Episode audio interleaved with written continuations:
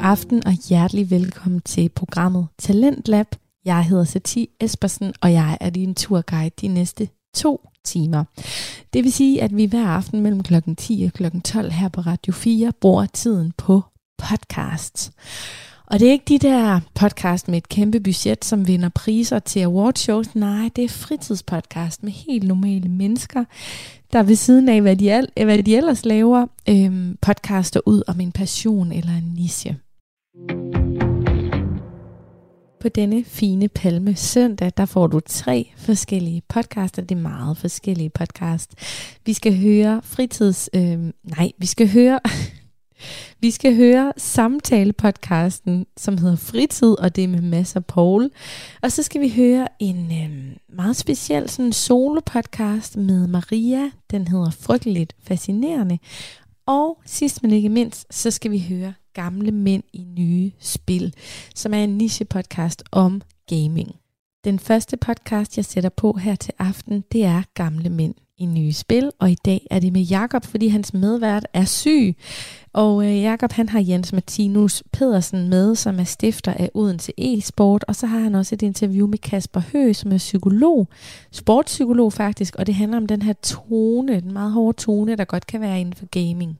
Jeg synes faktisk, at miljøet er hårdere end det, jeg oplever i for eksempel fodbold, øh, hvor jeg har været træner i mange år. Jeg synes, der har man måske en anden måde at tale sammen på. Og det er måske også nemmere, når man kan se hinanden i øjnene og sige, at han bliver faktisk ked af det, du siger. Ja. Øh, når du kalder ham idiot og siger, hvad er det for en lortebold. Øh, det kan du ikke se, når du siger, hvad fanden er det for et skud? Øh, eller hvad, hvad laver du med din, øh, din riffel? Altså, det, det kan du ikke se. Så, og det, det, det, gør mig, det, det gør mig sgu ked af det, og går mig lidt på, at man ikke øh, taler bedre til hinanden. Det kan godt være, at der er sket en bedring, men jeg synes stadigvæk, jeg oplever det. Det der med ikke at behandle hinanden så godt mennesker imellem. Det er faktisk også det, min næste podcast på programmet handler om. Det er podcasten Frygteligt Fascinerende med Maria, som elsker at blive fascineret af alle mulige frygtelige ting og sager. Og øh, i dag er det en episode, der hedder Kort Fortalt, hvor man på syv minutter lige får et indblik ind i det her Milgrams lydighedseksperiment, som rigtig mange af os kender, som handler om det her med at sende stød igennem øh, et menneske på den anden side af væggen, hvis vedkommende svarer forkert på et spørgsmål. Og så laver forsøgslederen en lille lodtrækning, der fordeler rollerne som elev og lærer i forsøget. I praksis er lodtrækningen arrangeret sådan, at skuespilleren altid skal være elev, og forsøgsdeltageren altid skal være lærer. Ja, du kan lære en ting eller to, du måske ikke vidste om det her eksperiment, hvis du lytter med ind til kl. 11. Den sidste podcast, jeg spiller for dig her til aften inden nattevagten, det bliver Fritid podcast med Mads og Paul. Og øhm, jeg synes faktisk, det klip, jeg har med til lige at tease for showet, det forklarer meget godt både, hvad de taler om i dagens episode, men også sådan lidt, hvordan Mads og Pauls interne rollefordeling er. Du mener det her, jeg hører, du mener det her, jeg mener det her, jeg er uenig, og herfor, det er derfor, jeg er uenig. Øh, men det er også okay, du ved. Der er ikke nogen af os, ja. der ligesom kommer til skade ved, at vi er uenige, og så er det ligesom det.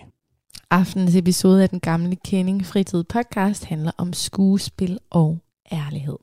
Men lad os nu komme i gang med den første episode, jeg har med, og det er jo altså Gamle Mænd i Nye Spil, featuring Jakob i dag, fordi at Jakobs medvært er syg, men han gør det ganske godt alene. Hvis du også har en interesse eller passion for gaming, og hvad der ellers følger med, har du fundet den rette podcast. Mit navn er Preben. Og mit navn er Jakob. Velkommen til Gamle Mænd i Nye Spil. Jamen, velkommen til Gamle Mænd i Nye Spil. Og i dag der har vi et interview med Jens Martinus Pedersen, som er stifteren af Odense e-sport. Mit navn er Jakob og min makker Preben er desværre ikke med os i dag, da han har fået øh, en skade i skulderen. For det første så vil jeg lige sige tusind tak, fordi du har lyst til at deltage i vores interview her i dag. Vil du starte med at øh, fortælle lidt om dig selv? Ja, det kan du tro. Og selv tak, og tak fordi I vil have mig med. Jamen, øh, jeg hedder som sagt Jens Martinus Pedersen. Jeg er så gammel som 46, så jeg tænker, jeg passer godt ind i gamle mænd i, i nye spil. Det er helt perfekt. Ja, det er super. Oprindeligt er jeg en uddannet økonom, altså kanokon fra Syddansk Universitet. Og hvad var det? Det var tilbage i 2003, at jeg blev færdig der. Og så har jeg lavet alt muligt indimellem, og jeg er faktisk ind tilbage igen på, på universitetet, øh, hvor jeg arbejder som forretningsudvikler. Øh, det vil sige, at jeg hjælper, hjælper studerende og ansatte med at kommercialisere deres mange gode idéer til, til en forretning. Øh, og indimellem alt det her har jeg så også startet Odense e-sport. Sådan i fritiden, hvad er det, er, går meget af fritiden med Odense e-sport, eller er du begyndt på noget andet? Øh, nej, jeg, jeg plejer at sige, at jeg arbejder med Odense e-sport øh, søndag aften, hvor jeg øh, laver et par regninger og laver løn. Øh, nej, jeg bruger også tid på Odense e-sport, men det er uden for office hours i forhold til mit normale arbejde. Så jo, så Odense e-sport er, kan man sige, det er en hobby, det er en fritid for mig, som det er nu. Øh, det var det ikke for 3-5 år siden, hvor jeg startede op. Der var det mit arbejde, det var det, jeg gjorde. Øh, men udover en sport, så, så dyrker jeg lidt vin. Jeg synes, det, det er helt fantastisk at få ting til at gro. Øh, det kan også være det, der har været gældende, når jeg arbejder med, med e-sport. Det med at få ting til at vokse, få ting til at udvikle sig. Ja, fordi at når jeg er inde og kigge på jeres hjemmeside, inde på Odense e-sports hjemmeside, så kan jeg jo se, at det er en organisation, der er relativt stor. Mm.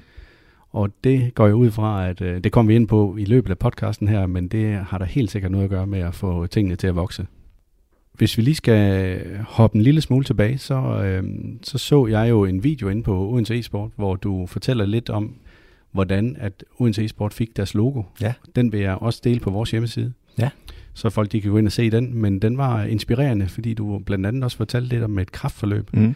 Vil du prøve at komme lidt ind på, øh, om det, altså som jeg lige hørte det, så var det noget af det, der faktisk var med til at kickstart, at du... Øh... Ja, det var det, det var det. Altså jeg kan prøve, jeg, vi skal tilbage til, i virkeligheden skal vi tilbage til 2015. Jeg har været selvstændig i, mange år, øh, faktisk øh, på det her tidspunkt har jeg været selvstændig i 12, 12 år i 2015, og jeg bliver egentlig træt af det. Jeg er egentlig Jamen, jeg har en fornuftig virksomhed, men bliver vågnet op om morgen og tænker, hvad det her, jeg gider ikke hjælpe Arla med at sælge mere smør, jeg gider ikke øh, hjælpe Skandinavisk Tobakskompagni med at sælge mere tobak. Øh, jeg vil egentlig gerne lave noget, der bare er mega sjovt. Så jeg øh, søger job som direktør i Boldklub Marienløs, øh, som efter fynske forhold er en ret stor øh, idrætsorganisation. Er så heldig at, at få jobbet, og vi vil jo rigtig gerne udvikle på det tilbud, som man har som forening. Jeg vil sige, at Boldklub Marienløs var mere end bare foreningen. Det var også en elitesportsklub, det var volleyball, det var restauration. Det var rigtig mange forskellige ting.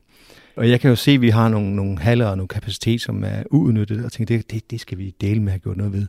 Øh, og så får jeg så hisset bestyrelsen til, op til, at vi skal have noget e-sport, øh, selvom de advarer mig og siger, at vi er jo en fodboldklub, vi er jo ikke en e-sportsorganisation. Nej, det er vi ikke, men vi kan jo godt gøre noget for de unge mennesker i lokalområdet, mm.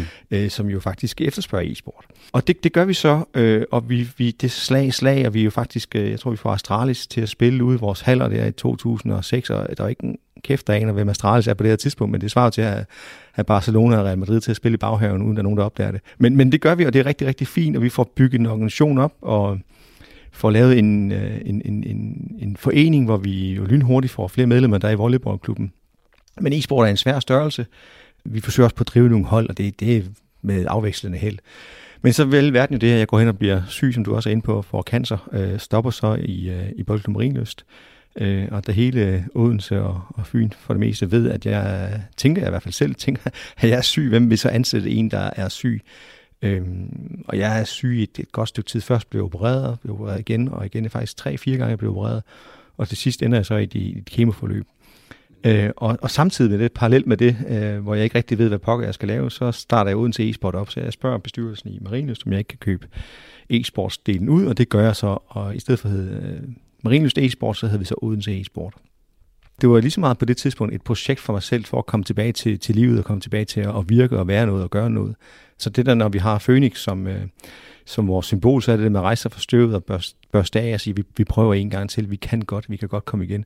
Så det blev jo lige så meget et personligt projekt for mig at vise, at jeg kan godt øh, arbejde, selvom jeg har været så syg. Jeg driver det jo i to år, godt og vel, to og et halvt år. Øh, og undervejs så kommer Aske øh, så med, som, øh, først som praktikant, og siden som medarbejder, og nu som medejer af Odense e-sport. Ja. Og driver det videre, da jeg stopper, da jeg kan se, at det, det faktisk godt kan leve af sig selv. Så hvordan er organisationen så nu? Organisationen er nu, det er Aske og jeg, der ejer det. Vi har halvdelen hver. Øh, og så har vi ansat en forretningsfører, og vi har ansat en head coach. Og så har vi så, kan man sige, løs arbejde. Det vil sige, vi har trænere og undervisere. Vi har SoMe, uh, content creators. Men det kan være, du kan komme lidt mere ind på, hvad Odense e-sport er for en størrelse, fordi at når man kigger ind på hjemmesiden, så kan det både være øh, en, øh, en klub eller en, ja.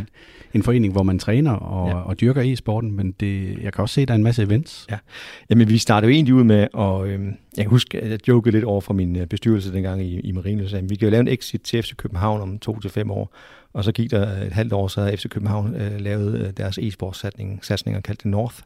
Det var mere, meget med, kan man sige, på elite-niveau. Det var ligesom det, der var udgangspunktet. Det var, at vi skal lave et elitehold, og så skal vi skaffe nogle sponsorer, og så, så kører det her. Men sådan gik det ikke helt, og det, det, er, en, det er en svær opgave, i hvert fald en dyr opgave, end, end vi ligesom havde lommer til dengang. Mm. Øh, så vi gik, øh, gik i gang med at lave, at vi kan lave undervisning, og det gjorde vi jo så. Og så vil sige, til at starte med var det, da vi så også blev uden til e-sport, så var det et, et satsning på et CSGO-hold, hvor vi gerne ville kan man sige, skabe noget omtale og skabe noget, et sponsorgrundlag. Det kunne vi godt se, det var, det, det, der gik lidt længere tid. Så begyndte vi at så kigge om, hvad kan vi så gøre? Så kan vi også undervise det her, for vi havde faktisk nogle rigtig, rigtig dygtige spillere, som også var pædagogisk på et topniveau. Så tilbød vi faktisk undervisning. Og så kunne vi se, at, at der var faktisk øh, noget i det eventdelen. Altså ikke landelen som sådan, men, men det at lave virksomhedsevent, hvor vi bruger e-sport som omdrejningspunkt for en virksomheds ønske om at lave medarbejderpleje, kundepleje, øget synlighed. Det var sådan set det, der gik hen og blev vores, øh, kan man sige, vores største indtægtskilde. Det var vores øh, eventdel. Og det er jo klart sådan noget, det lider lidt under, når vi, når vi bliver ramt af corona. Ja. Øhm, en anden ting, vi også gjorde, det var, at vi kunne også godt drive hold for andre, så vi begyndte at drive OB's øh, FIFA-hold. Den model kunne vi også godt se anvendt andre steder. At sige, men en organisation eller en virksomhed, som gerne vil ind i e-sport, det er ikke specielt nemt, men vi har gjort os alle, de, alle, alle erfaringerne, både de gode og de dårlige, og det vil vi da gerne bruge til at hjælpe andre ind, ind, i, ind i det her. Ja. Så vi, vi har jo faktisk en organisation der, hvor vi både har undervisning, vi driver nogle hold selv, men ikke på, ikke på sådan et topniveau, men mere for at skabe en lokal forankring og så har vi vores eventdel, og så driver vi teams for andre. Og så under det, jamen så har vi, så har vi vores sponsor. Hvor store er de ben der, som I ligesom ja. har stukket ud? Fordi der, altså, hvordan er det delt? Jamen man kan sige, at halvdelen, altså vi synes, præ-corona, der var, øh, der var halvdelen cirka event. Øh, øh, så hvis vi har omsat for en million, så var 500.000, det var fra eventdelen. Ja. Den, bliver nok, den, den har jo forandret sig. Det vil sige, at vi har skruet lidt mere op for træningen, kommer til at skrue lidt mere op for det. Vi har lige indgået en, eller ikke lige, vi har faktisk gennem et år øh, haft et projekt kørende sammen med CKV, øh, Center for Kommunikation og Velfærd under Region Syddanmark, hvor vi hjælper øh, børn og unge med øh, separat parese øh, til at, at dyrke e-sport, og på den måde kan vi, kan man sige, hjælpe børnene med at blive inkluderet og give dem nogle succesoplevelser og være en del af et fællesskab, som de ellers ikke kunne være en del af. Og det, det fylder også en del, og det er også et projekt, vi tror på, at vi kan udfolde, når, når det engang er, er færdigt. Men ellers primært jeres kunder i forbindelse med både events, men også træning og undervisning, siger du. Hvad, hvad er det? Jamen, hvis vi siger, at vores, øh, vores træning er delt op i to, det er på skoler. Det kunne, vi har vores opgave på for eksempel HF, øh, vi, øh, som, som vi hjælper. vi har også Tinka-skolen. vi har haft andre samarbejder med, med skoler, som vi, vi hjælper med undervisning. Ja. og så har vi så vores egen klub, hvor vi pt. ligger omkring 40 medlemmer. Vi har været oppe rundt de, de 80, tæt på de 100 men vi er, vi er slået lidt tilbage på den del. Og det er også noget det, vi arbejder på. Ja, faktisk i dag har vi haft møde om, hvordan, pokker kan vi, hvordan kan vi komme tilbage på det her. Men jeg tror, at rigtig mange foreninger og klubber har, har oplevet en, en tilbagegang i deres medlemstal. Så det, det er et sted, hvor vi, skal, hvor vi skal gribe fat igen og være dygtige igen til at gribe dem. Da I blev enige om, at I ville ændre konceptet fra mm. at være en decideret spille- og træningsklub til mm. også at lave de her events, var mm. der nogle problemer? Ja, altså man kan sige, hvordan, hvordan kommunikerer du så mange budskaber? Nu har du selv været inde på vores hjemmeside, så hvordan gør du det? Så vi, vi lavede en dedikeret side for vores, øh, for vores event, som vi kalder e-event, for ligesom at sige, så har vi ben at stå på der. Mm. Øh, men uden til e-sport var, var brandet i det hele taget. Det er også, vi har, vi har haft mange tanker omkring det, fordi hvordan kan du... Øh, hvis du gerne vil have et, et, kan man sige, et godt hold, på, på topniveau i Danmark, og kan du så kalde det Odense e-sport? Hvordan kan du så henvende dig til sponsorer op i Aarhus eller København, hvis du kalder det Odense e-sport? Så er det måske nemmere, hvis det hedder e-sport Ravens eller et eller andet. Så, så vi, har, vi har gjort os mange tanker omkring, hvad er det, hvad er det rigtige navn. Men ja, vi synes også, at vi har fået bygget et rigtig godt ry og rygte op øh, på vores, øh, både på vores undervisning, men i særdeleshed også på vores events og den måde, vi, vi leverer på. Men det er, du har ret, det er en, øh, det er en mangeartet butik, vi har. Men vi har også, vi har også kan man sige, fuldt der, hvor efterspørgselen er, og tænkt på, om, øh, om vi nu også gør det rigtige rigtigt. Øh, vi skal i hvert fald helst lade være med at, at, at lave det forkerte. Men hvis det nu er sådan, at der, at der er nogle andre, der går med overvejelser om mm. at starte en e-sportsforening op, mm. eller klub op, mm. Har du så nogle gode råd, eller et eller andet, du har lært ud af det her, hvor du tænker, det er... Ja, bestemt. Altså, øhm, vi bliver også vi bliver tit stillet det spørgsmål, og, og noget af det, det er, at den, der er mange ting, men, men sådan noget som træner. Altså, hvordan kan du, fordi mange foreninger, de er jo med frivillige trænere, og nogle af de øh, frivillige, og det er ikke for at tale ondt om nogen, men det vi har gjort, det vi har forsøgt på at sigte mod, det var at få trænere, og vi betaler så vores trænere, men det var at have nogen, som har en foreningserfaring øh, som har erfaring fra mere end blot det at spille e-sport og var rigtig god til det. Altså nogen, som kender til det her med unge mennesker at gøre, sætte et forløb op og lave træningsforløb og være seriøs omkring det. Øh, det, det er ret væsentligt, at vi, at vi, kan man sige, vi er voksne, at vi har en, en forståelse for, at vi har med unge mennesker at gøre, og de, kan ikke bare, de skal ikke bare parkere sig, så sidder man selv og kigger ind i sin egen skærm. Det skal vi helst undgå. Jeg vil ikke sige, at det ikke er sket, men, men det er i hvert fald noget, det vi er meget skarpe på, at vi skal have nogen, som også kan den pædagogiske del af det. Så er der hele indkøbsdelen, altså hvis man nu køber udstyr for 150.000 kroner, hvor hurtigt kan man forrente det, når man har nogle afskrivninger, hvad kan man så tillade sig at tage for det om måneden? Altså det, ja. det er en svær balance. Hvis du har de rigtige frivillige, som er borger de rigtige værdier, den rigtige holdning til det, så kan det godt lade sig gøre. Men du skal være over det. Er det med vilje, I vælger at sige, at vi bliver nødt til at betale vores frivillige trænere? Vi er en virksomhed, ja. Øh, så vi skal... Øh, der er også sådan, altså I starten var der mange, der kom til mig og sagde, Jens, det du laver, det er bare mega fedt. Jeg vil helt vildt gerne arbejde gratis for dig. Jeg kan ikke komme ind i det. Altså, fordi e-sport var bare, kan man sige, sådan et område, hvor folk rigtig gerne vil med. Øh, jeg sagde, men det kan du godt, men det får du ikke lov til ret lang tid, fordi at hvis ikke altså jeg skal kunne, hvis jeg skal kunne tage penge for det, for først har jeg, har jeg dårligt ved at tage penge for noget, hvor du arbejder gratis, det bryder mig ikke om. Øh, men for det andet, så hvis jeg skal tage den rigtige pris, så kan du ikke noget at basere min pris på frivillig arbejdskraft, hvis jeg tager en forkert pris. Øh, fordi du gider ikke arbejde gratis for mig en måned, eller to, eller tre, eller resten af dit liv. Så jeg bliver nødt til ligesom at indkalkulere, hvad koster det her? Og selvfølgelig skal folk have løn for det, de gør. Ja. Vigtigt, vi er ikke en forening, så vi modtager ikke nogen tilskud rundt omkring fra. Altså, vi, det her det er drevet af, vores, øh, af de indtægter, vi selv genererer. Ja. Øh, og jeg tager ikke øh, penge ud af virksomheden. Jeg har kommet penge ind i en gang, måske to, så det skal egentlig bare hænge sammen. Altså, jeg, jeg, det er ikke, jeg er ikke i det her for at tjene, tjene millioner milliarder. Jeg er i det her for at skabe kan man sige, gode oplevelser for børn, øh, skabe en virksomhed, hvor folk er glade for at være, og, og, og når, hvis jeg kan skabe arbejdspladser, så er jeg mega stolt over det. Hvor mange aflønnede træner har I lige pt? Jamen lige nu, der, der, når jeg laver løn, så laver jeg løn til mellem 8 og 10, som det kører lige nu. Og det er så både trænere, det er vores forretningsfører, det er vores øh, head coach, det er vores, vores, vores eventmedarbejdere, vores somi-medarbejdere. Ja. Øh, så jeg tror, hvis vi gør det op i, i sådan årsværk, så ligger det 2,5 til 3. Det, det svinger lidt. Jeg ved jeg ikke, om det måske er at gå over stregen, men, men kan du fortælle lidt om, hvad sådan en grundløn er for en træner i klubben?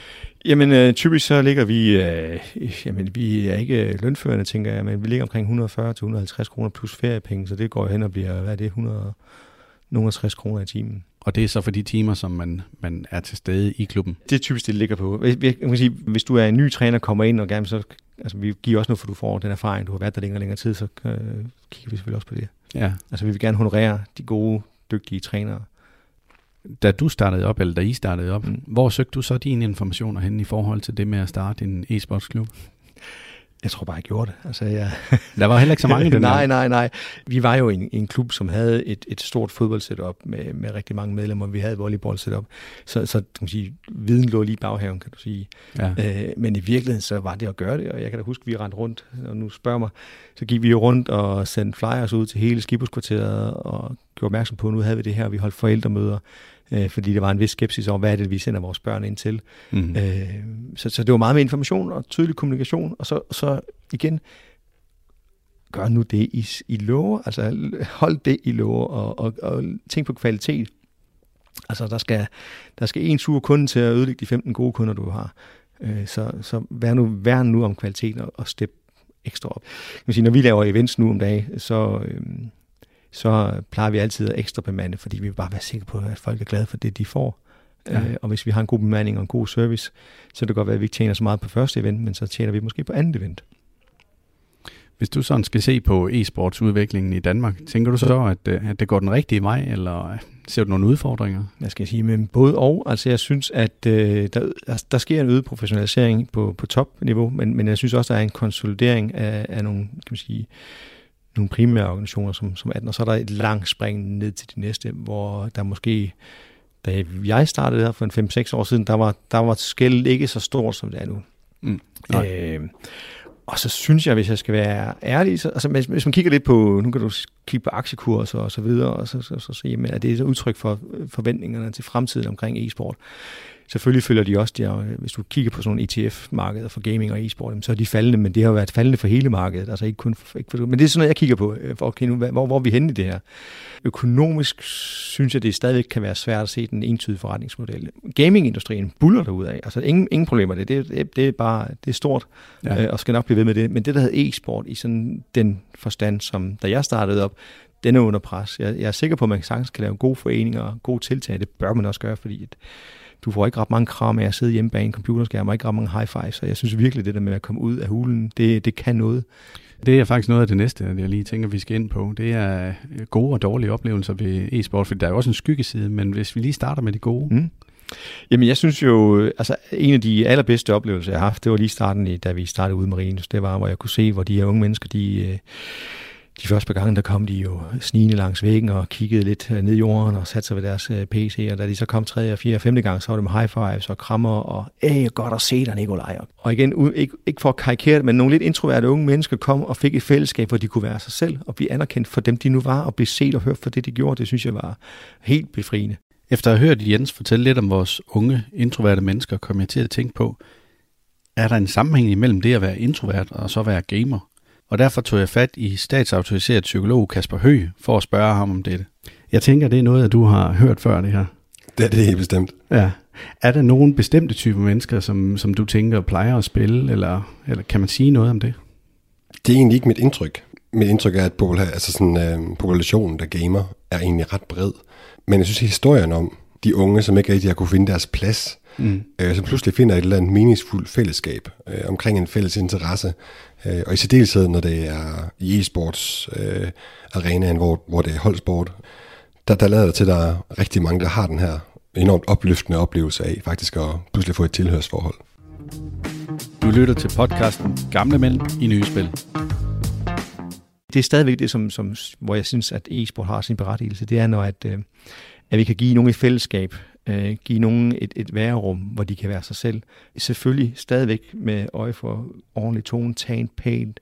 Også noget, som vi har med vores øh, CKV-projekt, hvor jeg kan se, at unge, som ellers ikke vil være en del af en, øh, et aktivt liv i, i klassen, lige pludselig kan udfolde sig og være, være inkluderet øh, fordi de får mulighed for at spille med, med øjenstyring eller specielle controller, som gør, at de rent faktisk kan game, øh, sammen med nogen, som de ikke har kunne game med før. Det synes jeg er helt fantastisk. På negativ siden, jamen så er det, det er sgu et ret hårdt miljø. Jeg synes, de unge mennesker øh, kan være hårde ved hinanden og hårde ved os, og tænke meget kortsigtet. Øh, og det er måske fordi, at øh, hvis du ikke lige kan lide dem, du spiller sammen med, så kan du bare trykke på knapper og spille sammen med nogle andre. Jeg, jeg ved det ikke. Øh, det er ikke noget, jeg sådan... Jeg synes faktisk, at miljøet er hårdere, end det, jeg oplever i for eksempel fodbold, øh, hvor jeg har været træner i mange år. Jeg synes, der har man måske en anden måde at tale sammen på. Og det er måske også nemmere, når man kan se hinanden i øjnene og sige, at han bliver faktisk ked af det, du siger. Ja. Øh, når du kalder ham idiot og siger, hvad er det for en lortebold? Øh, det kan du ikke se, når du siger, hvad fanden er det for et skud? Øh, eller hvad, hvad laver du med din, øh, din riffel? Altså, det, det kan du ikke se. Så, og det, det, det, gør mig, det, det gør mig sgu ked af det, og går mig lidt på, at man ikke øh, taler bedre til hinanden. Det kan godt være, at der er sket en bedring, men jeg synes stadigvæk, jeg oplever det. Det Jensen siger her, det er noget, som vi også har oplevet, øh, da vi selv var med til lagen. Men hvad, hvad tænker du om det? Er der, er der noget om det? Er det rigtigt, at det er hårdere inden for e-sporten, end det er til for eksempel et fodboldstævne eller sådan noget? Igen, altså, jeg er fuldstændig enig. Det er også mit eget indtryk af de her forskellige miljøer. Øh, nu har jeg lige set cykelløb i dag, mm. øh, hvor der jo er et meget lidt hostilt miljø. Og det er også, som han siger, det gør en kæmpe forskel, at vi ikke sidder med hinanden, at vi ikke kan se, hvordan hinanden egentlig reagerer. At det bliver mere en, en trussel, altså ude i æderen. Og de her sådan verbale øh, online clashes, vi kan have med hinanden, jamen, vi reagerer ikke på samme måde øh, på at sove hinanden, som vi gør, hvis vi er sammen i virkeligheden. Øh, og det er jo klart, det, det er jo en kæmpe faldgruppe i det her miljø. Øh, ja. Fordi vi ikke får samme grad af skyldfølelse over øh, det skrald, vi lukker ud, over for nogen, vi måske egentlig er, er på hold med. Det var Kasper Høs udtalelse omkring, hvor hårdt det kan være inden for gamingmiljøet, og hvad der egentlig er skyld i det. Men nu hopper vi tilbage til mit interview med stifteren for Odense e-sport, Jens Martinus Pedersen, som fortæller lidt om, hvordan de arbejder med gamingmiljøet og på at gøre det bedre for de unge mennesker. Men oplever I ikke det, når I har de unge mennesker samlet nede i klubben? At der, der kan man lidt bedre bearbejde det der og, og snakke om det? Det er også det, og det er også derfor, den drev os til at sige, at vi skal have en klub, jo, fordi det her, det er, gaming er der, og e-sport er der, og, og vi skal skabe de bedste rammer. Uh, vi skal sørge for, at vores unge mennesker stadigvæk, kan man sige, bliver dannet øh, og, og lære at, at begå sig. Øh, så på den måde har e-sports en helt stor berettigelse. Øh, men det har fodbold også, og det har badminton også, og det har, det har volleyball også, og det har golf og alt muligt andet, og paddle for den her skyld. Altså, så det er bare en blandt mange tilbud. Jeg synes bare, det er fint at kunne, at kunne være det. Så, så jeg er også lidt ked af nogle gange, når, når e-sport bliver sat op på en pedestal og siger, at du kan blive, øh, du kan blive øh, alt muligt inden for flyindustrien, og du kan alt muligt, og du kan hacke. Jamen det kan du altså også, hvis du har andre sportsgrene. Det er ikke sådan, at det, det kun er det, der ligger. Men det er jo fordi, der er nogen, der har nogle andre interesser i det også, og, og tale det højt op. Gjorde I noget i forbindelse med at også motivere de unge til at komme ud og være lidt mere fysiske? Øh, jamen ikke nok. Altså, vi kunne sagtens gøre mere. Øh, man kan sige, at vi havde nogle diskussioner til at starte med, da vi jo var ude på idrætsanlægget. Hvor meget skal vi, hvor meget skal vi tvinge dem til at løbe rundt om fodboldbanen og, og, og ned i håndboldhallen og alt det der. Øh, men, men de kommer altså for at dyrke e-sport. Altså, de kommer ikke for, de kommer ikke for at løbe en tur. Altså, det, det, gør de ikke. Nej. Altså, så, så hvis vi siger, at vi havde en træning på halvanden time, men hvis du skulle løbe en halv time, og så, øh, og så spille resten af tiden. Altså, de kom for det. Men vi, vi forsøgte på nogle, på nogle måder at, komme, øh, at få, give dem en lufter, øh, kan du sige, og, og komme ud og lave noget. Og vi, vi talsætter det også meget. Og nu kan man sige, med, jeg kan sige, med ansættelsen af Bjørn, øh, som har den her kandidatgrad ud fra idræt og sundhed, der får vi fornyet fokus på det. Ja. Og jeg ved, det er også noget, det vores kunder er glade for, altså for eksempel HF. Øh, vi har også brugt den, øh, den mere, og jeg tror også, at CKV vil komme til at bruge det her endnu mere. Og jeg synes virkelig, der, der, der er behov for det. Men igen, som jeg sagde før, at hvis du går til e-sport, så er det det, der er det primære. Øh, det er ikke det, det, er ikke det sekundære. Så det, du skal finde en rigtig balance. Det skal man også som forening, hvis man skal ind i det her. Hvad er det i virkeligheden, de, de unge kommer for? Til nogle af vores lag, øh, nogle af vores arrangementer, der har vi gjort en del ud af, at hvis vi har været et sted, hvor der var en hal, jamen så gå ind og brug hallen. Vi har da haft uh, Fortnite battles inde i, uh, inde i hallen med papkasser og, og nerf guns og sådan noget. så, så, det, så det kan vi sagtens, altså vi kunne godt gøre det, men, men det, skal være, det skal have en rigtig balance. Ja. Nu kan det godt være, at jeg springer en lille bit smule i det, men du nævnte lige, at I havde HF som kunde. Ja. Hvordan fungerer det i forhold til en uddannelse? HF har vi haft igennem lang tid efterhånden, øh, startede også ud som et, et, et projekt, øh, og man kan se, at, at, at e-sport i HF-regi betyder noget for det sociale øh, sammenhold, og noget for trivselen, øh, og også noget for fastholdelsen. Og der er også lavet nogle rapporter af, af projekter, som viser, at det faktisk er med til at fastholde nogen, som ellers ikke vil blive fastholdt. Så på den måde, så, så passer e-sport rigtig, rigtig fint. Og det er sådan, at så har du øh, e-sport på skemaet, du vælger dig ind på for eksempel CSGO eller League of Legends, og så er det det, som du har som, som dit, dit gaming-fag eller dit e-sportsfag. Og så har du det ved siden af dansk, matematik, engelsk, og så leverer vi så trænere ind til det. Jens, da vi talte sammen den anden dag, der kom du lidt ind på øh, skyggesiden med e-sport mm. i forhold til det med, at forældrene nogle gange følte, at de måske mistede deres børn til e-sporten. Mm. Vil du prøve at uddybe det? Ja, igen som jeg siger, der, jeg har haft mange kan man sige, øh, stjernestunder med e-sport, der folk, der, der, der udfolder sig, folk, der bliver glade, folk, der får et fællesskab. Men jeg, jeg må også bare kende, at jeg har også set det modsatte. Altså, og, og ikke, jeg siger ikke, at det er e-sportens skyld, men det er måske der, man henvender sig, hvis man har det skidt i øvrigt. Øh, hvis man har nogle udfordringer, men så er det måske nemmere at sidde ved sin øh, PC og lukke sig lidt inde der. Så, så det vi altid opfordrer til, det er at være, at være opmærksom på, på de unge. Øh, hvorfor er det, de måske bruger så mange timer på, på gaming? Er, er, der noget, er der noget andet, der ligger under? Og jeg har forældre, som har siddet øh, på mit kontor og grædt og sagt, jamen jeg har mistet mit barn til e-sport. Og jeg synes jo, det, det, det er jo helt forfærdeligt at, at høre. Ja, hvordan øhm, takler jamen, man lige sådan Ja, hvordan takler man det, ikke også? Her taler vi igen ind i så vigtigt et emne, så jeg tænkte, at det var nødvendigt at høre en psykolog om, hvordan man kan gribe det an. Så derfor springer vi tilbage til vores kommende episode med statsautoriseret psykolog Kasper Høgh, som taler lidt omkring det at være gamer og gamingmiljøet generelt. Har du nogle gode forslag til, hvordan man kan takle sådan en situation, hvor forældrene de rent faktisk er ked af, at de føler, at de har mistet deres barn til e-sporten? Jeg synes faktisk, der er noget helt sådan tematisk interessant her, fordi det er som om, det er lidt et narrativ, som ligger omkring skærme og mm. spil, at det er på en eller anden måde noget, der kan stjæle altså vores børn fra os. Fordi der er jo ikke særlig mange børn, der har forældre, der siger, at jeg mistede mit barn til håndbolden, eller jeg mistede mit barn til cyklingen.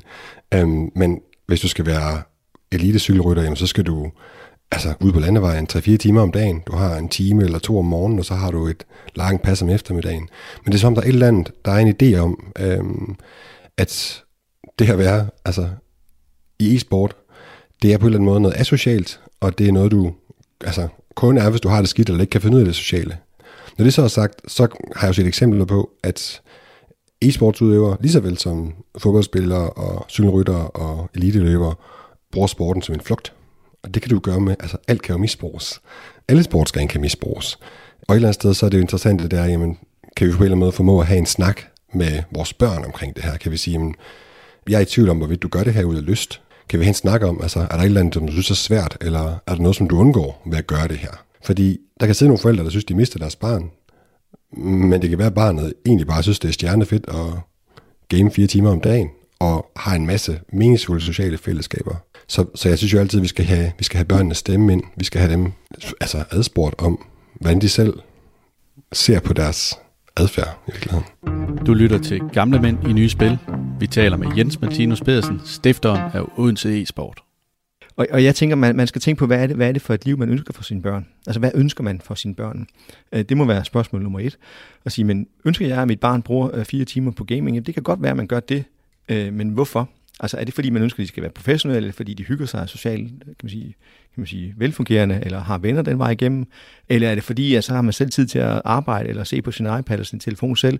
Altså, det er meget bekvemt, at børnene gamer, hvis man selv sidder med sin telefon, og egentlig er mest optaget af det, jeg siger ikke, forældre tænker sig. Men, men der, jeg, kan jo godt, jeg kan jo godt se på min eget adfærd. Altså, hvis jeg, har, hvis jeg kommer hjem en dag og har travlt, jamen, øh, så kan jeg måske arbejde lidt fra klokken 4 til 5, øh, og så... Øh, ser jeg måske mere gennem med min finger, eller ser gennem fingre med, at mine unger også sidder og gamer samtidig med. Det tror jeg, vi alle sammen Det, det gør vi alle sammen, ikke også? Men, men på et eller andet tidspunkt, så kan det være, at det her, det, det, det skrider af nogle retninger. Altså, jeg tror at også, børn har ønsket om at være, være nærværende med deres forældre, og med deres venner og deres, øh, øh, deres kammerater i skolen. Ja, man skal nok passe på, at det ikke går hen og bliver en dårlig vane. Det kan nogle gange blive en dårlig vane. Så det der med at stille alternativer op, øh, altså, øh, tror jeg også er vigtigt. Altså, jeg, jeg synes, gaming er fint, men hold øje med det, fordi det kan godt være udtryk for noget andet. Det kan godt være udtryk for, at man ikke trives i, i det andet. Og selvfølgelig kan du så finde trivsel i, i, i, igennem gaming og e-sport og, og det kan man sige, digitale samvær med andre.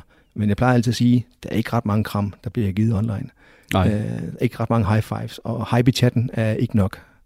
Har du set nogle, øh, nogle ligesom farsignaler eller sådan noget, hvor, man, hvor du tænker, her skal man nok være, begynde at være opmærksom på sit barn, hvis vi skal prøve at... Jeg ved godt, vi kan ikke kloge i det, men det kunne være... Nej, altså jeg, jeg er ikke psykolog. Altså jeg, jeg, jeg er en, en, en dygtig psykolog, som jeg har arbejdet sammen med, Ida, Aida Begic, øh, som har kigget lidt ind i, hvad, hvad, gør, hvad er gaming, og det, det peger lidt i, i, i forskellige retninger, om det er godt eller skidt. Jeg tror ikke, man kan sige noget entydigt, så derfor er min appel bare, at man holder lidt øje med, hvordan har ungerne det i, i øvrigt, mm. øh, og hvad er årsagerne til, at de vælger, som de gør. Så, så jeg, vil ikke, jeg vil ikke male fanden på væggen og sige bare, jeg vil gerne animere til at opfordre til, til en opmærksomhed på det her. Ja. Øh, jeg tror også, at vi efterhånden er blevet, er blevet væsentligt bedre til det, og hvad er forskellen på, om unge, eller den unge øh, kigger på YouTube i fem timer, eller gamer fem timer. Det er svært at finde ud af, men er der alternativer til det? Er der noget, som kan øh, bibringe en anden form for trivsel, en anden form for nærvær, en anden form for udfoldelse? Og det, det tror jeg, der, det er. Det er egentlig interessant, fordi der er ikke nogen, der siger, øh, stop med at spille fodbold, øh, hvis de vil udspille to timer. Det, det sker ikke. Altså, det er okay. Så det er også en, det, det, det, det, det er en meget, det er en, det er en fin balance i, hvad er det, for, hvad er det vi ønsker for vores børn? Men jeg altså, tror også, det, det er et spørgsmål om forståelsen af, hvad e-sport det er for noget. Ja. Det er jo hypet voldsomt jo. Altså, at man kunne tjene så mange penge, og du kunne blive så rig på det. Og så, så var der også nogle forældre, som sagde, at det, er en, det er en god vej for mit barn at gå. Ligesom altså man kan have ambitioner for sit barn på fodboldens vej, ah, eller tennis og pasten den vej, så oplever vi også nogle forældre. Og, og, og det er fair nok, som sagde, men vi har et ungt talent her, som kan, kan noget med e-sport. Men det må bare sige, at der er så mange færre, som lever af at dyrke e-sport. Og ligesom med alt andet, jamen så det her med ikke at pace sine børn. Jo, du kan godt pace dem, men de skal også være lysten, der driver dem. Og det er sjovt, der er bare en større lyst, når det drejer sig om, om gaming og e-sport for børnene. Det, det, det er tit det, de vælger. Og så kan jeg jo så sidde her, som, og det er som, som far, og som øh, fuldstændig relativt uviden inden for det område, og sige, hmm, hvad der gør, at, at børnene altid vælger det over de andre ting? Ja. Kunne der være noget i det her spil her, som gjorde, at øh, man har planlagt det og lagt det op sådan, så at øh, man får ud, kan man sige, dopamin og alle de her adrenalin frigivet på en anden måde, man gør, når man spiller fodbold eller volleyball, eller hvad pokker den må være. Og der tror jeg, at der et eller andet sted, at de her spiludviklere er så snedige, så det kan da godt være svaret ja. Og det er da noget, man bør tænke over. Altså vi talte på et tidspunkt med en øh, håndboldspiller, der var mm. på vej til at blive professionel, mere eller mindre. Og han fik så en skade. Han hoppede over på e-sportsvognen. Mm. I forbindelse med det, der føler han faktisk, at han får mere dopamin frigivet, når han sidder og spiller på mm. en computer, ja. end han gjorde, da han løb rundt, altså i en fyldt hal, hvor der var masser af publikum på, som hæppede på dem. Og det er ja. alligevel lidt tankevækkende. Det er, det er da meget tankevækkende. Altså, ja. Det er i hvert fald noget af det, som jeg, jeg har kigger lidt på. Altså, hvad, at man skal passe på, at man ikke ender, med, ender i et spil, som man ikke helt gennemskuer. Fordi ja. altså, jeg ved godt, hvem der er kunden i de her spil her. Øh, og jeg tror ikke, altså hvis du spiller nede i, øh, hvis du går ud og spiller en bold ud i haven, jamen, jamen jo, jo der, er der, der er der også masser kommercielt omkring det med fodboldtrøjer, og jeg skal give dig skal. Det er slet ikke det, jeg siger, men, men jeg synes, man skal være, jeg er i hvert fald opmærksom på mine egne børns vegne, i forhold til, hvad er det for et spil, de spiller, og er de kan man sige, del af et spil, som de ikke selv gennemskue. Hvad siger dine børn til, at du er kastet dig ud i at starte sådan en helt ja, det synes jeg bare, det er mega fedt. Altså, ja. jeg, jeg, har da også, jeg har da også lavet en uh, YouTube-serie sammen med mine unger. Uh, jeg tror, den hedder Direktørens vej gennem divisionerne, hvor vi sidder og spiller FIFA. Og, altså, jeg synes, det, det er mega sjovt. Altså, vi, vi, vi, det er en leg. Altså, det, vi leger bare. Og, og da jeg startede det her, da jeg startede uden til e-sport, så var det også, fordi jeg var nysgerrig på den fremtid, som mine børn kigger ind i. Og, og i, virkeligheden, i virkeligheden er det måske bare det, som er mit, min bøn, være nysgerrig. Altså, være, være interesseret i, hvad der foregår. Det, det, er nok, det er nok det, der ligger, og jeg tror, så, så er meget givet. Jeg spørger også altid, hvad, hvad spiller de, og hvorfor spiller de, og hvad er der sket der, og altså, interessere sig. I stedet for, jeg kunne jo også bare lukke min dør, og så gå ind og fordybe mig i mit eget arbejde. Det var da verdens nemmeste ting at gøre. Mm. Det måske, kræver måske lidt mere af mig at være interesseret i min, i, i mine børns mærkelige spil. Ja, og sætte sig ind i, hvad det endnu er for noget. Ja, ja præcis, og, og så bare omfavne det. Altså. Så igen, det kan godt være, at jeg sådan maler lidt til besindighed og rejser et rødt flag, men jeg maler ikke øh, fand på væggen, håber jeg. Det tænker jeg, det er en ganske fin pointe lige at, at slutte det hele af på. Jeg ved ikke, om du har mere, du vil tilføje, men om ikke andet, så vil jeg øh, i hvert fald måske lige bede dig om at nævne lidt øh, i forhold til, hvor man kan finde Odense Esport henne.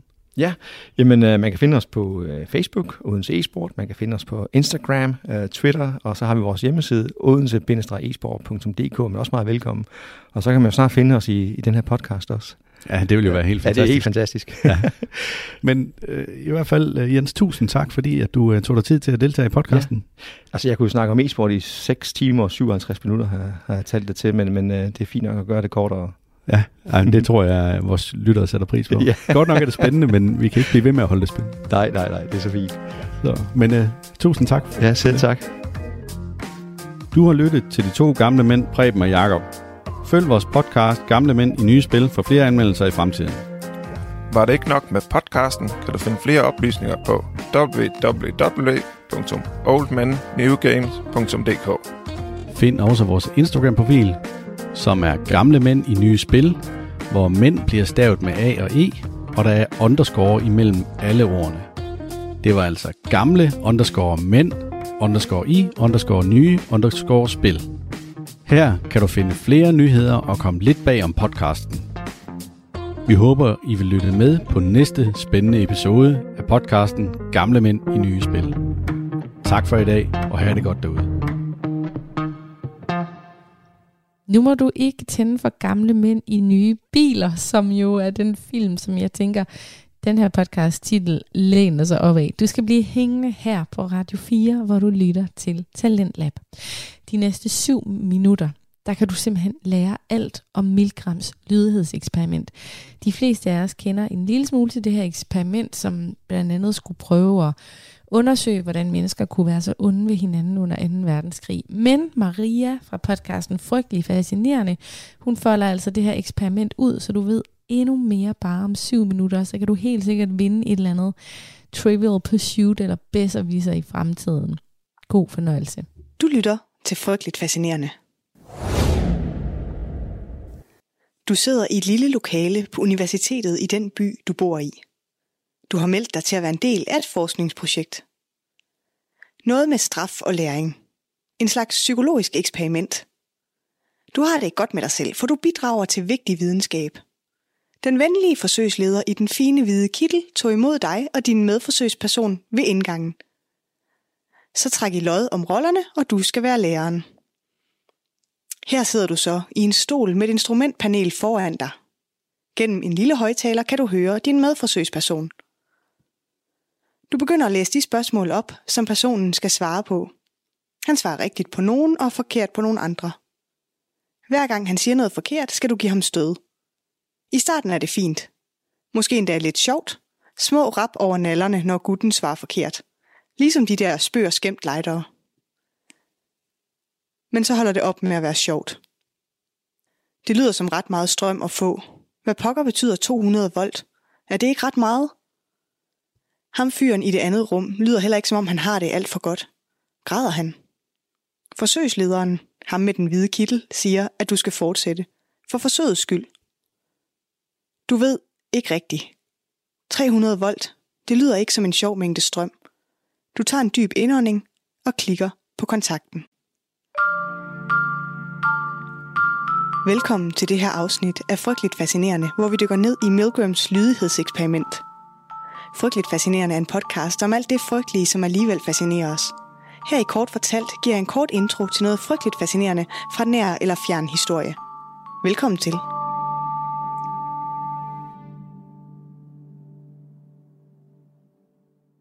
I dag skal vi snakke lidt om et eksperiment, som i al sin enkelhed gerne vil undersøge, om mennesker er i stand til at være onde ved hinanden, hvis bare der er en autoritet, der siger, at de skal. Hvor langt er et menneske parat til at gå i sin lydighed over for autoriteter? Det er det, Stanley Milgram beslutter sig for at undersøge. Derfor så giver Stanley sig til at annoncere efter forsøgspersoner. Men han kan jo dårligt skrive, at han gerne vil undersøge, om mennesker kan handle ondt, hvis bare en autoritet siger, at de skal. Så han skriver i sin annonce, at han søger deltagere til et studie om, hvordan straf påvirker indlæring. 40 personer melder sig til eksperimentet, og i juli 1961 starter Milgram sin forsøg. Ved ankomsten til universitetet møder deltagerne en forsøgsleder med kittel på. Og de møder også en anden person, som de får at vide også er deltager i forsøget. Men i virkeligheden så er den her anden person skuespiller. Og så laver forsøgslederen en lille lodtrækning, der fordeler rollerne som elev og lærer i forsøget. I praksis er lodtrækningen arrangeret sådan, at skuespilleren altid skal være elev, og forsøgsdeltageren altid skal være lærer. Og nu bliver læreren og eleven så placeret på hver sin side af en væg med lydforbindelse imellem. Foran læreren er der et instrumentbræt, hvor han får at vide, at han kan administrere strømchok til eleven. Det skal han gøre, når eleven svarer forkert. For hvert forkert svar skal læreren øge strømstyrken. I takt med, at forsøget skrider frem, så giver skuespilleren udtryk for et stigende niveau af smerte og ubehag. I virkeligheden får skuespilleren slet ikke stød. I eksperimentets sidste fase skal skuespilleren begynde at banke på væggen og tikke om at stoppe forsøget, klage over hjerteflimmer og spille bevidstløs. Forsøget bliver afbrudt, hvis forsøgspersonen nægter at give mere strøm, men han bliver kraftigt opfordret til at fortsætte af forsøgslederen. Hvis forsøgspersonen ikke nægter at fortsætte, så stopper forsøget først, når der er givet den dødelige topmængde på 450 volt. Og det er det, der er forsøgets kerne. Hvor langt går forsøgspersonerne? Hvor meget strøm er de villige til at give en anden forsøgsperson, når de bliver presset af en forsøgsleder i en kittel? I det oprindelige forsøg sender alle deltagere mindst 300 volt igennem deres skuespillere, mens 65% går hele vejen til topmængden. I kølvandet på 2. verdenskrig og holocaust står mange tilbage med spørgsmålet om, hvordan det kunne gå så galt. Derfor står psykologer i kø med forsøg og eksperimenter, der kan give svar på netop det. Og Milgrams er kun et i rækken. En anden, som virkelig malker historiens tragedier for psykologiske pointer, er Phil Zimbardo. Og det navn kender du måske ikke, men du kender sikkert hans eksperiment. For det er ham med fængselseksperimentet i Stanford. Du ved, fanger og fangevogtere. Det har jeg lavet et helt podcast-afsnit om, og i det dykker jeg også ned i, hvorfor man altid skal være lidt varsom, når nogen vil forklare store begivenheder i historien med små psykologiske eksperimenter. Hvis du gerne vil forstå holocaust, så studer det. Der er masser af kilder og data. Anyway, nogle af de pointer gælder også for Milgram-eksperimentet, noget af det data, der ikke så tit bliver fremhævet, når man snakker om forsøget, er for eksempel, at 72% af forsøgspersonerne mindst én gang i løbet af forsøget siger, at de ikke helt tror på, at stødene er ægte. Desuden er det aldrig siden lykkedes at reproducere resultaterne af undersøgelsen med samme overbevisende resultater.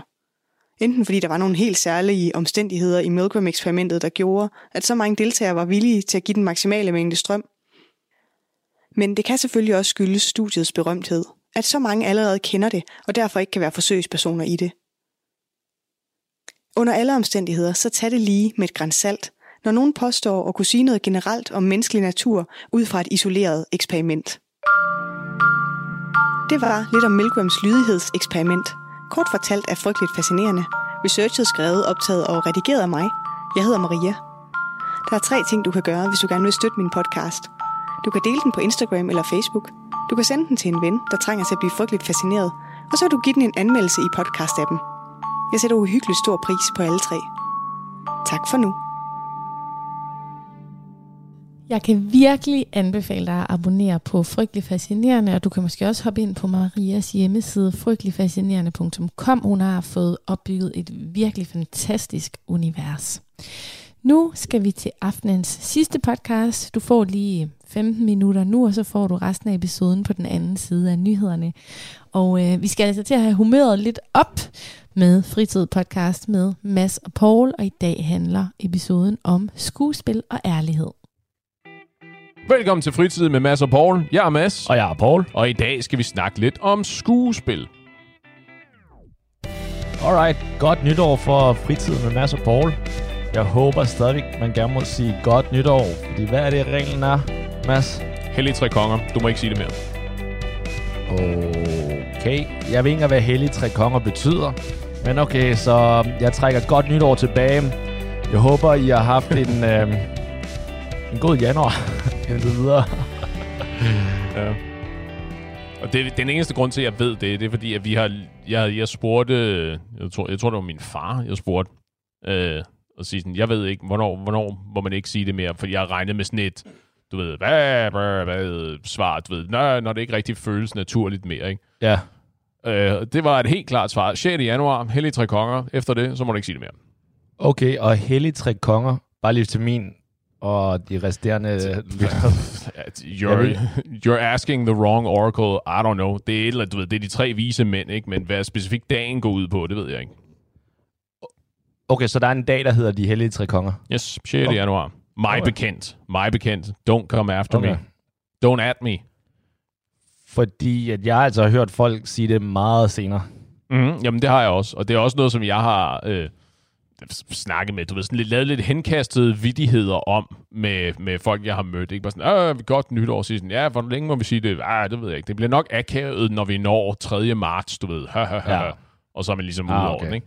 Men det, mig, det- jeg opdagede for nylig, reglen er vist nok 6. januar. Efter det, så må du ikke sige det mere. Alright. Og nu skal jeg jo være på tværs, ikke? Mm-hmm. En Yes. lille smule i hvert fald. Det er vi ikke i tvivl Ja. om herovre. Nå, men det er bare sådan så, at det, men der er altid en undtagelse. Så hvis du ser for eksempel en med, lad os sige en anden hudfarve, der er lidt mere gul, Aha. øh, lidt mere, jeg vil jo selv sige, lidt mere øh, rigtig velformede øjne, Det er i hvert fald majoriteten, så øh, der kan du godt sige det der omkring slut januar og midt februar også. er det, er det der, det kinesiske nytår? Ja, det, det svinger lidt, hvornår det er, men det, i år er det vist den 31. januar. Bare Sådan. lige. Ved du, hvor, jeg ved øh, meget, meget lidt om øh, kinesisk nytår. Ved du, kan du sige mig, hvorfor det skifter? Det er fordi, at det kinesiske nytår ikke følger den normale kalender. Den følger... Følger ikke den der gregorianske kalender, eller hvad det nu er, vi opererer efter herovre? Lige præcis. Okay. Og den kalender har jeg ikke. Nå. Jeg får, jeg får en besked cirka en, en to-tre uger før nytår hvert år Mm-hmm. af min søster, der siger, hey Paul, øh, det er den kinesiske nytår, den dato. Kan, øh, passer der at komme forbi og spise, eller spise hos forældrene? Fint. Og så er det sådan, you got it. Let's go. Og hvad, og hvad bliver det så i år, når det er kinesisk nytår? Der er, det, det er jo dyr, ikke? Jo. Og det burde jeg vide. Jeg skulle til at sige, det, hvis der var nogen her i selskabet, ja. der burde vide det, så er det i hvert fald ikke mig. Åh, oh, okay, selvfølgelig er det det. Det er...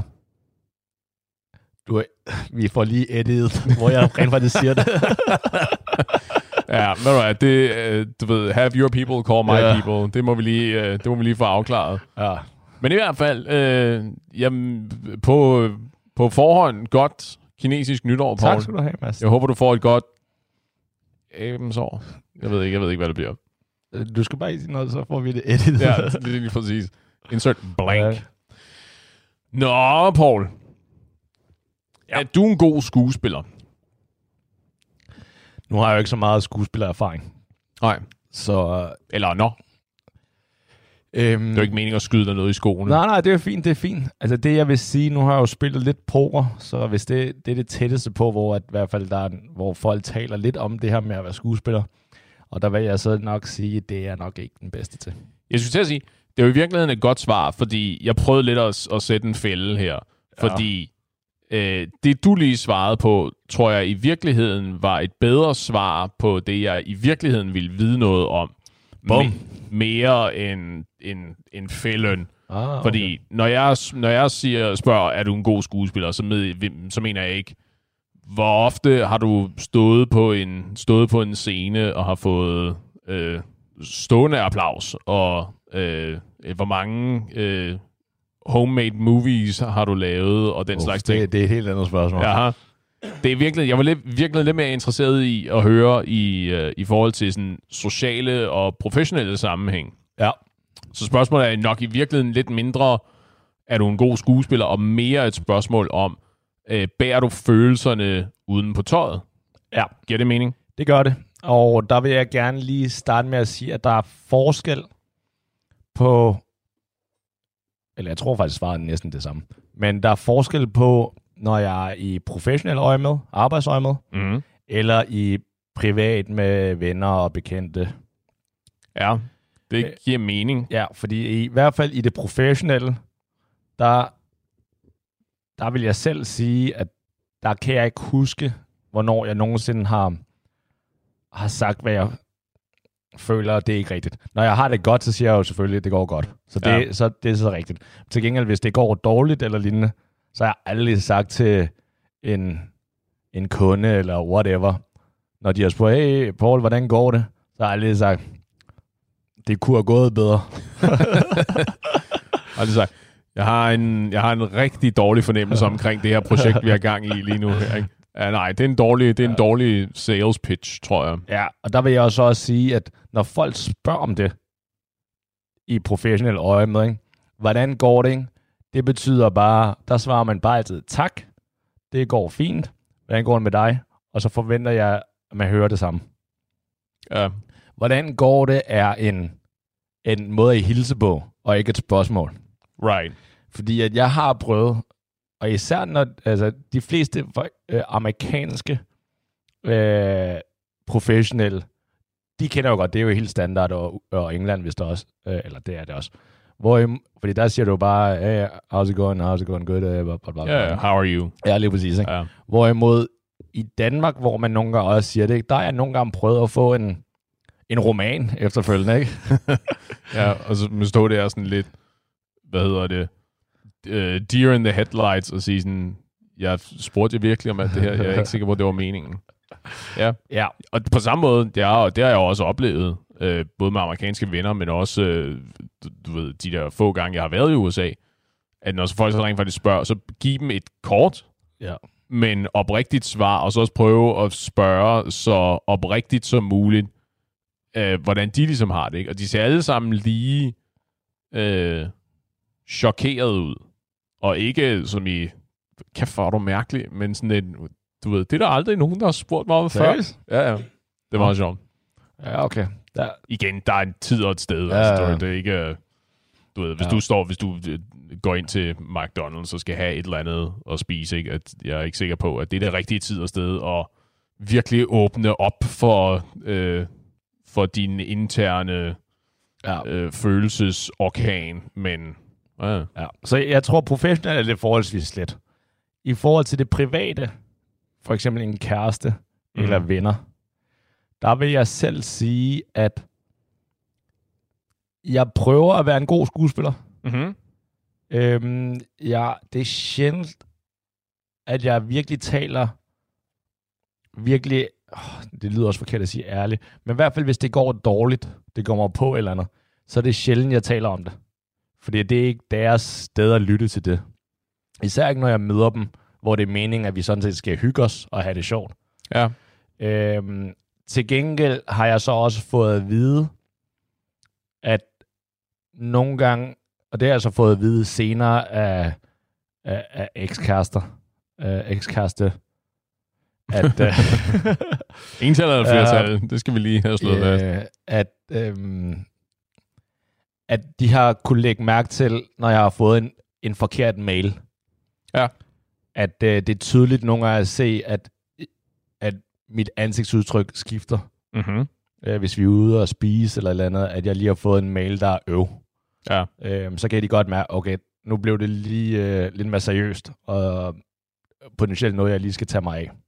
Men det første, der er at sige til det, det er vel, mm, du skal da vel bare lade være med at tjekke dine mails, når du er ude og spise. Åh, oh, ja, det, ja, ja Så- selvfølgelig. så I den vel- smølfeverdenen kan man jo gøre det, ikke? Den. Der, der får man heller ikke nogen mails, når man spiser. Hvor mange man, tror du i virkeligheden, undskyld jeg afbryder, hvor mange tror du øh, ved, hvad du mener, når du siger smølfeverden? Du mener sådan i, Fantasiverdenen, ikke? ja tak, lige præcis, i Christmas Miracle Land, hvor du tror, jeg lever. I smølfeverdenen, der hvor du ofte lever, Mads, det Ja. er, hvor alle har det godt. Man synger sig væk fra problemerne. Yep, hele tiden. Ej, hvor jeg ked af lige at skære Mads og Paul podcastværterne bag Fritid Podcast over her. Men det er altså nødt til, for hvis du kigger på uret, så er klokken snart 11, og det betyder, at vi skal ud i den store hvide verden og høre, hvad der er af nyt derude. Du har lyttet til Talentlab på Radio 4, og vi fortsætter heldigvis efter nyhederne, og der kan du høre resten af Mads og Pauls snak. Mens jeg sidder og vifter mig selv i hovedet med et stort palmeblad for at få lidt luft, ej, det er bare gas, det er bare fordi det er palmesøndag, så kan jeg lige nå at minde dig om, at du meget gerne må downloade Radio 4's app. Og den hedder selvfølgelig Radio 4, og den går du bare ind i din App Store eller din Smartphone Store og downloader, og så kan du simpelthen høre alle vores programmer, både live, men måske også støde på nogle podcasts, som øh, var noget for dig. Og selvfølgelig findes, findes Talentlab også inde på den app. Så download lige Radio 4's app, så du altid har os i lommen. Nu er der nyheder.